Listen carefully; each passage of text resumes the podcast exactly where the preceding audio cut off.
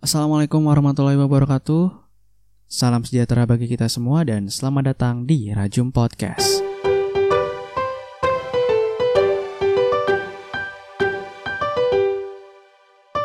Nah, episode kali ini gue akan ngebahas soal Markom lagi nih, yaitu daya tarik iklan atau daya tarik pesan iklan.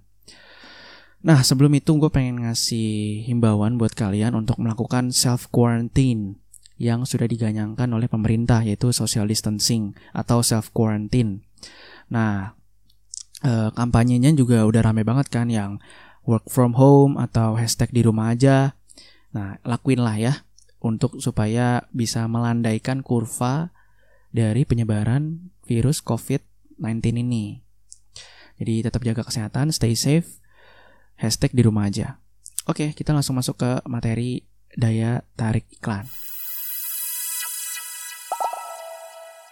Nah, gue pengen ngait, gue pengen inget-inget dulu nih soal iklan itu apa sih sebenarnya?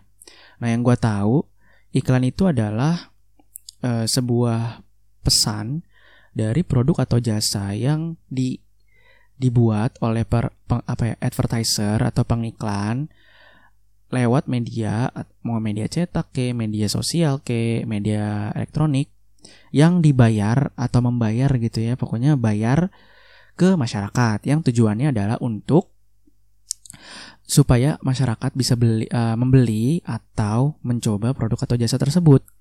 Jadi uh, nanti kita bahas soal iklan ini gitu ya. Jadi intinya iklan itu adalah pesan yang uh, dibayar untuk meng, untuk memberikan pesan produk atau jasa gitu ya pokoknya ya, intinya gitu. Nah, soalnya di di materi gue nanti ada soal iklan bayar yang gimana segala macamnya ada gitu ya. Nah, uh, iklan ini juga ada dasar-dasarnya ternyata. Ada prinsip dasar-dasar iklan. Oke, gue sebutin ya. Yang pertama nih, yaitu adanya pesan tertentu. Ya kan? Nah, pesan yang dapat disampaikan dalam sebuah iklan itu ada dua, yaitu ada pesan verbal dan pesan nonverbal gitu, atau bisa dipadu padankan. Nah, pesan verbal itu apa sih? Pesan verbal itu adalah pesan yang disampaikan berupa kata-kata Nah, bentuknya tuh ada dua, ada verbal lisan yaitu audio atau audio visual dan verbal tulisan, media cetak atau audio visual. Nah, yang kedua adalah pesan nonverbal. Nah, pesan nonverbal itu adalah proses komunikasi di mana pesan disampaikan tidak menggunakan kata-kata, uh, entah itu bahasa tubuh, ekspresi wajah, kontak mata, simbol-simbol, intonasi, penekanan bicara, gaya emosi, dan gaya berbicara. Pesan nonverbal ini tuh dapat berupa nonverbal visual, nonverbal auditif, dan nonverbal non-visual. Nih kebagi lagi banyak nih ternyata. Nah, pesan nonverbal visual itu apa sih? Pesan nonverbal visual itu adalah pesan yang diterima khususnya melalui indera penglihatan. Bukan indera bekti. Ya, aduh, itu jokes bapak-bapak banget. Nah, ada tiga jenis nih dari pesan nonverbal visual yang tadi ya. Nah, itu ada kinestik, ada proxemic, dan artifaktual. Nah, mungkin bagi kalian yang sama semester kayak gue, mungkin pada dengar ya dari psikologi komunikasi kalau nggak salah ya. Itu ada proxemic, proxemic tuh. Cuma gue lupa proxemic tuh apaan ya. Coba kalau misalkan kalian ada yang inget, langsung bisa uh, eh, DM gue di Instagram at bintang PRMTA untuk ngasih tahu kinestik, proxemic atau artifaktual tuh sebenarnya apa. Nah, prinsip dasar iklan yang kedua adalah dilakukan oleh komunikator atau yang bisa bisa disebut juga sponsornya gitu. Nah, ciri sebuah iklan itu yang tadi gue bilang adalah ada komunikatornya. Jadi disampaikannya sama sponsor atau pengiklan atau advertisernya. Nah, yang ketiga dari prinsip dasar-dasar iklan itu adalah dilakukan secara non personal atau tidak tatap muka. Biasanya gitu ya. Karena kalau misalkan tatap muka, kayaknya sih beda lagi ya. Itu bisa dibilang word of mouth atau WOM. Kita udah belajar di semester 1 kalau nggak salah dasar-dasar komunikasi pemasaran. Itu ada tuh uh, soal WOM ini. Nah, yang keempat dari prinsip dasar-dasar iklan adalah disampaikan untuk halayak tertentu. Nah, ini nih. Jadi kita mesti tahu nih target audiens atau audiens sasaran audiens kita tuh siapa gitu. Supaya iklan ini tuh lebih maksimal. Jadi kita tahu nih, oh gue misalkan gue pengen bikin iklan sepatu lari, misalkan gitu ya. Misalkan uh, Adidas ya, untuk uh, Adidas yang mana dulu nih? Kan ada Adidas Ultra Boost, ada Adidas apalagi ya? uh, Yeezy gitu. Nah, Yeezy ini pasarnya buat apa ya? Pasarnya sneakers gitu untuk orang-orang yang hype beast. Nah, jadi dia tahu nih iklannya buat iklannya kayak apa dan khususnya mau arahnya ke mana. Nah, untuk ke uh, sneakerhead sneakerhead gitu ya. Jadi uh, akhirnya laku lah easy. Ya gitulah kira-kira ya. Gue uh, kalau salah minta maaf ya. Yang gue tahu itu soalnya. Nah, yang kelima nih, prinsip dasar iklan yang kelima nih lu mesti dengerin nggak bayar bukan iklan namanya. Nah, pesan penyampaian pesan iklan yang dilakukan dengan cara nggak bayar itu adalah dianggap bukan iklan. Ini gue ulang ya. Penyampaian pesan yang dilakukan dengan cara bukan membayar atau bayar oleh kalangan pengiklan dianggap bukan iklan. Nah, kalau nggak bayar, itu ada lagi kategori komunikasi yang lain. Nah ini yang gue belum tahu. Nah dalam kegiatan periklanan, istilah membayar sekarang ini tuh bisa dimaknai secara luas. Nggak cuma uang gitu, bisa berupa ruang, waktu, dan kesempatan. Misalkan uh, uh, gue pengen ngiklan ke Rehto nih. Nah tapi uh, nggak bayar uh, bayarnya adalah gue bisa uh, dapat produk Rehto yang terbaru setiap bulannya gitu. Nah itu kan gak dibayar tapi gue bisa dapat kesempatan gitu ya untuk mencoba duluan. Atau kayak si Yosiolo. Kalau lu subscribe Yosiolo yang soal bahas sepatu kompas, dia itu dapat sepatu kompas PMP, pot mid pot mid pop sama old blue. Old blue ya atau darahku biru yang dua itu, yang dua kompas yang limited itu. Itu dia nggak nggak beli, tapi dia dikasih untuk di review dari kompasnya. Kayak gitu. Mungkin itu termasuk ya. Lagi-lagi saya mahasiswa. Saya cuman enggak canda-canda. Nah, yang terakhir adalah penyampaian tersebut uh, atau penyampaian pesan iklan tersebut mengharapkan dampak tertentu. Ya, ya pastilah ya.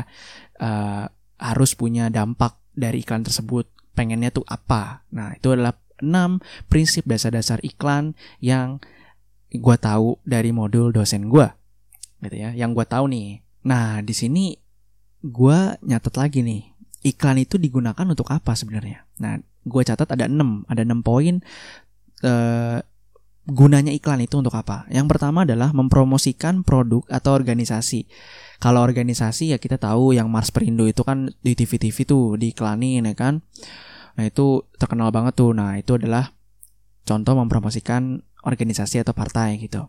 Yang kedua merangsang permintaan primer dan selektif. Nah, yang ketiga itu menyaingi atau mengimbangi iklan pesaing. Ya kita bisa lihat ya, kayak iklan KitKat, take a break, have a take uh, have a KitKat gitu ya.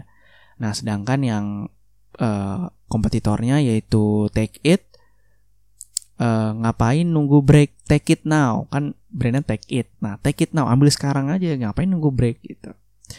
Terus yang keempat adalah membuat kerja tim sales jadi lebih efektif. Nah, yang kelima itu adalah meningkatkan penggunaan produk. Jadi dengan adanya iklan itu kita bisa tahu oh ik apa HP-nya bisa gini. Kan kalau kita lihat di YouTube tuh iklan Samsung Galaxy S20 Ultra adalah ngasih tahu bahwa HP-nya dia punya fitur 100 kali zoom. Nah, di situ iklannya dikasih tahu kan. Bisa screenshot juga dan bisa 8K video. Wow, sekali. The first ever smartphone that has 8K video on uh, di HP-nya gitu ya. Nah, terus yang keenam adalah mengingatkan dan memperkuat keyakinan pelanggan atau dalam bahasa marketingnya atau bahasa markomnya adalah supaya bisa jadi top of mind. Top of mind itu yang ini banget misalkan kayak aqua ya yang contoh-contoh biasa aja lah ya. Kayak oh teh botol minumnya apa? Kalau makan minumnya apa? Teh botol. Oh, kalau beli ini apa? Aqua, selalu aqua padahal yang dikasih bukan aqua. Hahaha. Kayak gitulah. Dan yang ketujuh adalah mengurangi fluktuasi penjualan.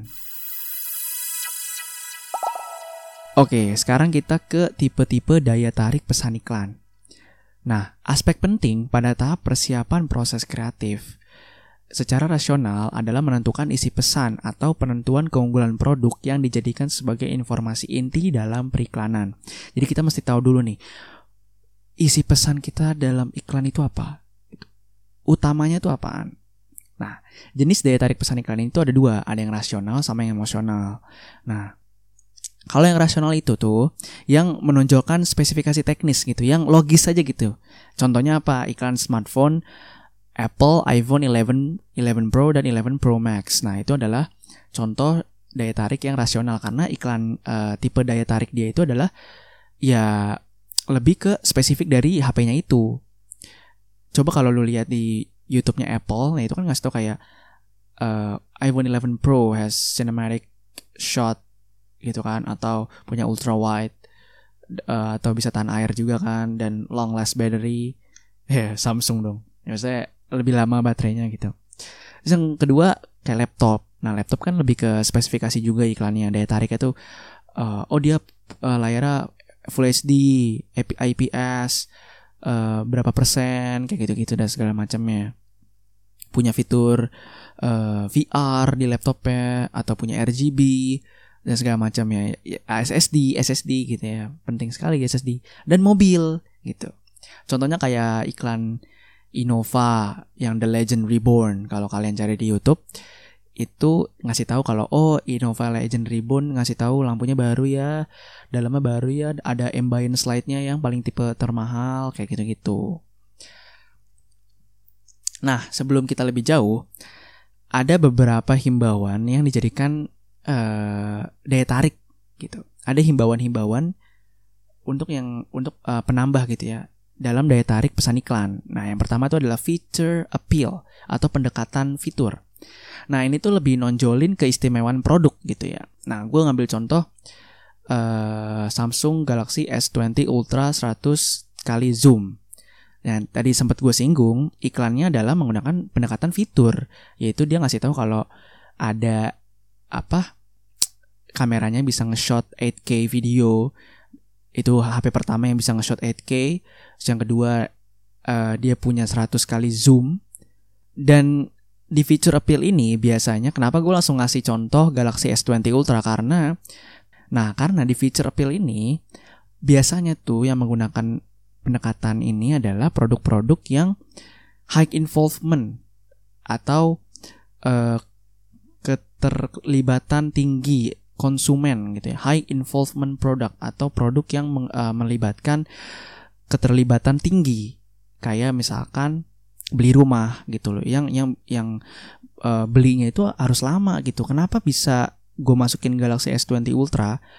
Karena yang pertama ini mahal banget HP 18 juta gitu kan 15 nah ini bener-bener high involvement product karena lu bakal mikir anjir gue beli HP 15 juta 18 juta buat apa? Terus gunanya apa dulu? Gue tahu dari apa kalau gue pakai itu gimana jadi makanya harus mikir dua kali kan untuk beli HP seharga motor gitu hampir seharga motor. Makanya gue nggak masukin rumah. Bisa juga misalnya contohnya apartemen rumah kayak gitu-gitu. Itu termasuk high involvement produk karena lu mikir dulu kan.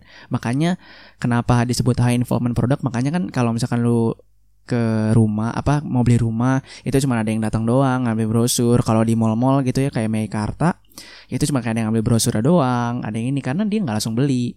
Tapi dia mikir-mikir dulu pikir panjang dan segala macam karena dia bakal nempatin ini lama dan dia bakal naruh duit dia itu banyak banget di situ nah yang kedua adalah competitive advance appeal atau pendekatan yang kompetitif nah daya tariknya itu nonjolin kelebihan yang dipunyai suatu produk dibanding produk lain. Contohnya iklan iPhone 10 yang di mocking atau yang dibecandain sama in uh, Galaxy Note 8 kalau nggak salah ya. Jadi gue pernah nemu tuh iklan Samsung resmi Galaxy Note 8 yang dia tuh ngasih tahu uh, dari uh, Samsung dari zaman dulu sampai sekarang sama iPhone zaman dulu sampai sekarang. Waktu itu kan iPhone pertama kali iPhone itu IP68 uh, itu pas iPhone 10 deh kalau nggak salah. iPhone 10 tuh apa masih IP67 ya? iPhone IP68 tuh baru iPhone 11 kalau nggak salah. Ya tapi kayaknya iPhone 7, iPhone 7 ya, iPhone 7 tuh IP67. iPhone 7 tuh IP67 kalau nggak salah. Gue inget iklannya tuh ada air-airnya. Tapi uh, Samsung udah daul udah, udah duluan gitu. Kalau nggak salah dari S5 atau S6 ya. Dari S6 tuh dia udah IP68. Jadi dia udah tahan air, udah bikin iklan di dalam kolam renang segala macam segala macam. Jadi udah udah. Nah, itu di mocking dan dan yang terakhir adalah dalam iklan itu pada saat perilisan Samsung Galaxy Note 8 dan uh, iPhone 10. iPhone 10 kan sempat heboh banget tuh karena anjir HP apaan nih? Ada ada notch-nya gitu. Jelek banget lagi gede. Nah sedangkan Samsung Galaxy Note 8 itu benar-benar infinity display cuman melengkung doang di pinggir. Nggak ada notch sama sekali gitu. Di HP-nya makanya dia bikin iklan kayak gitu. Itu keren banget sih. Dan ada seriesnya juga. Ada seriesnya Samsung yang mocking Apple tentang pembayaran tentang uh, stok memori dan segala macam ya lucu lah pokoknya coba ditonton aja di Samsung cari aja nah terus yang ketiga adalah favorable appeal Nah, daya tariknya itu lewat pendekatan harga gitu. Jadi faktor utama dari pendekatan ini adalah harga. Contohnya apa? Contohnya Shopee. Shopee belanja sekarang cashback 50%. Lu tau gak sih lu kalau nonton YouTube, lu suka ngeliat iklan Shopee yang uh, Didi yang Shopee Mensel gitu-gitu ya, yang uh, elektronik elektronik sale ya, 44 ya, 4.4. Nah, itu kan Shopee banget tuh. Maksudnya yang oh cash langsung cashback 50% gitu. Nah, menurut gue itu adalah termasuk dari favorable appeal karena dia melalui pendekatan harga yaitu wah jadi harga jadi lebih murah, HP jadi 600 ribu yang tadinya 1,6 gitu atau apa wow wow wow gitu. Ya begitulah ya. Nah, yang keempat adalah news appeal yaitu iklan yang melalui pendekatannya itu didominasi oleh berita. Nah, menurut gua uh, yang termasuk dari news appeal ini adalah Kompas. Karena seingat gua, nih seingat gua ya, gua tahu Kompas itu dari berita yang ada di media sosial, yaitu gue kena publisitas dari mereka dan mereka menurut gue sukses untuk melaksanakan publisitasnya dan menurut gue itu adalah marketing dari dari Kompas yaitu publisitas gitu yaitu meramai-ramaikan apa yang terjadi sebenarnya dalam sepatu ini gitu. Makanya bisa rame banget. Nah makanya seingat gue tuh gue tahu Kompas itu dari dari media sosial dari berita gitu. Yaitu saat perilisan Kompas yang tadi sempat gue singgung Yosiolo yaitu Kompas X PMP atau Pot Meets Pop dan Kompas X Daraku Biru atau Old Jeans Blue apa gitu ya. Ya gitu dah pokoknya. Nah itu news appeal. Kalian bisa cari aja di YouTube berita tentang Kompas yang ngantri panjang banget. Nah, menurut gue itu adalah news appeal. Menurut gue ya. Nah, yang kelima adalah product popularity appeal atau pendekatan uh, lewat kepopuleritasan kepopuler kepopularitasan produk tersebut. Contohnya Xenia. Xenia itu punya iklan atau punya tagline yang di mana 10 tahun dipercaya keluarga Indonesia. Nah, dia bikin iklan yang ada sebutannya kayak gitu yaitu 10 tahun dipercaya keluarga Indonesia. Xenia ya mobil sejuta umat. Dia aja udah punya tagline sendiri usah sama fans apa sama konsumen-konsumen aja dia disebut sebagai mobil sejuta umat. Itu udah populer banget itu mobil Xenia atau enggak Avanza nggak nggak ada bedanya. Nah yang keenam adalah yang terakhir adalah generic appeal atau daya tarik umum. Ya ya udah gitu. Daya tarik dalam pesan iklannya ya udah gitu-gitu doang. Yaitu yang gue ambil adalah iklannya Oppo sama iklannya Realme. Coba kalau lihat iklannya Oppo sama Realme walaupun dia sebenarnya kayak kayaknya lagi. Gue lupa deh Vivo sama Oppo emang satu kepala. Nah Realme nih gue belum cari tahu nih apakah Realme itu satu kepala juga sama kayak Oppo dan Vivo gitu. Nah iklannya Vivo iklannya Oppo itu kalau lo lihat dah secara di YouTube gitu iklannya tuh sama gitu.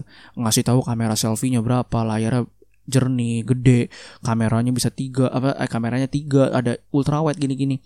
Makanya gue bisa bilang dia masuknya generic appeal atau pendekatan yang udah umum. Karena ya iklannya ya udah udah pasti kayak gitu. HP udah sewajarnya ngasih tahu yang kayak gitu. Makanya gue uh, gue bilang generic appeal. Kayak gitu ya. Nah tadi nah tadi kan ada dua tuh yang gue bilang.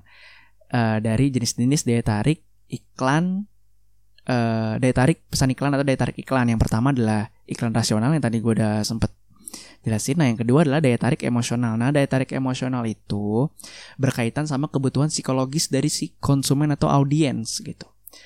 Nah, contohnya kayak iklan-iklan yang mengkaitkan mengkaitkan dengan rasa humor. Hahaha receh sekali waka waka gitu. Atau kayak trio humor. Trio humor kayak Tonight Show gue Tonight Lovers by the way. Rasa humor iri takut senang sedih. Pokoknya yang e, berkaitan sama hal-hal psikologis dari halayak atau pribadi yang membuat yang bisa membuat audiens itu menerima iklan tersebut dan dan juga bisa menerima iklan tersebut sebagai pertimbangannya, sebagai pertimbangannya untuk ngambil keputusan pembelian. Jadi dia tuh dari iklan yang dia lihat uh, itu tuh jadi bagian apa ya? Jadi faktor pada saat dia beli juga gitu. Jadi pas pengen beli dia ngeliat uh, apa dia bilangnya oh gue ngeliat iklan Ramayana lucu banget anjir. Udah gue beli aja biar lucu-lucuan. Nah itu adalah salah satu daya tarik emosional yang berhasil menurut gue kayak gitu ya contohnya ya. Jadi dia wah oh iya bener juga gitu. Nah jadi kenapa penting daya tarik ini? Karena untuk supaya bisa mempengaruhi faktor pembelian konsumen itu dia. Itulah pentingnya daya tarik dalam pesan iklan. Nah iklan Ramayana ini tuh ada beberapa yang sedih apalagi yang pas lagi bulan puasa atau lebaran. Nah, biasanya kalau lucu-lucu tuh juga pas lebaran juga ada tuh yang alien ya. Yang alien yang yang baskom itu lucu-lucu sih itu sempat viral banget dan si pembuat iklannya tuh juga ikutan viral gitu. Gue lupa sih yang itu gue salut banget sih sama itunya. Itu juga pernah disinggung sama dosen gue soal keefektifan dan keberhasilan dia sebagai pembuat iklan atau uh, markom gitu berhasil banget iklannya dan itu masih dicontoh. Dan yang kedua tuh Gojek. Nah Gojek, Grab sama aja karena mereka berdua bikin iklan yang warung pintar juga. Dia bikin iklan yang emosional yaitu yang memberikan kesan peduli sama drivernya karena di gue liat iklan itu apa ya namanya peduli apa gitu ya judulnya gue nggak tahu lupa pokoknya gue juga pas ngeliat iklan itu kayak wih anjir uh, driver driver gojek ternyata peduli peduli ya sama uh, konsumennya maksudnya sama penumpangnya terus juga dia baik banget dalam hujan-hujan. Dia masih mau nganter pakai jas hujan dan segala macamnya. Kayak gitulah iklan Gojek atau iklan Grab sama aja ya. Tadi kan gue sempat bilang kan kalau daya tarik itu adalah adalah bisa mem mempengaruhi faktor pembelian konsumen gitu. Nah tapi selain itu juga daya tarik dalam pesan iklan atau daya tarik iklan ini uh, bisa juga uh, bisa bisa juga digunakan untuk memperoleh tanggapan dari halayak sasaran atau audiens gitu. Jadi uh, tanggapannya tuh kayak gimana ya? Dia bisa lihat dari, wah iklannya keren nih kayak iklan Apple itu udah selalu dibilang elegan iklan Apple gitu. Atau iklan uh, iklan Ramayana. Nah dia Ramayana dapat tanggapan kalau iklannya kreatif gitu.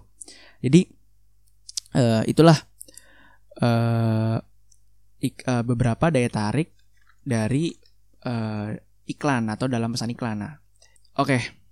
kita lanjut lagi ya. Tadi kan kita udah sempat bahas tentang jenis-jenis daya tarik dalam pesan iklan yaitu ada daya tarik rasional dan daya tarik emosional. Nah, di sini ada lagi nih yaitu daya tarik periklanan dibedain lagi dalam beberapa kategori sesuai tipologi penyusunan isi pasar.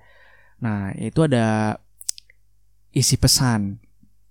Isi pesan ini terdiri dari himbauan rasional, yaitu berisi informasi faktual seperti kayak yang daya tarik rasional tadi, yang pokoknya yang faktual-faktual lah, spesifikasi dan segala macam segala macam gitu. Nah, yang kedua adalah format pesan. Nah, format pesan ini menyesuaikan. Kenapa bisa dimenyesuaikan? Karena beda-beda.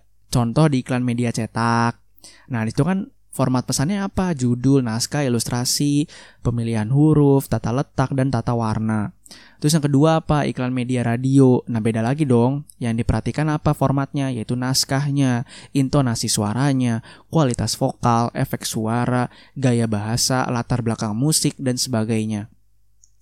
Gimana cara mereka, cara si penyiar ini untuk memainkan atau membuat sebuah theater of mind kalau dalam radio ya.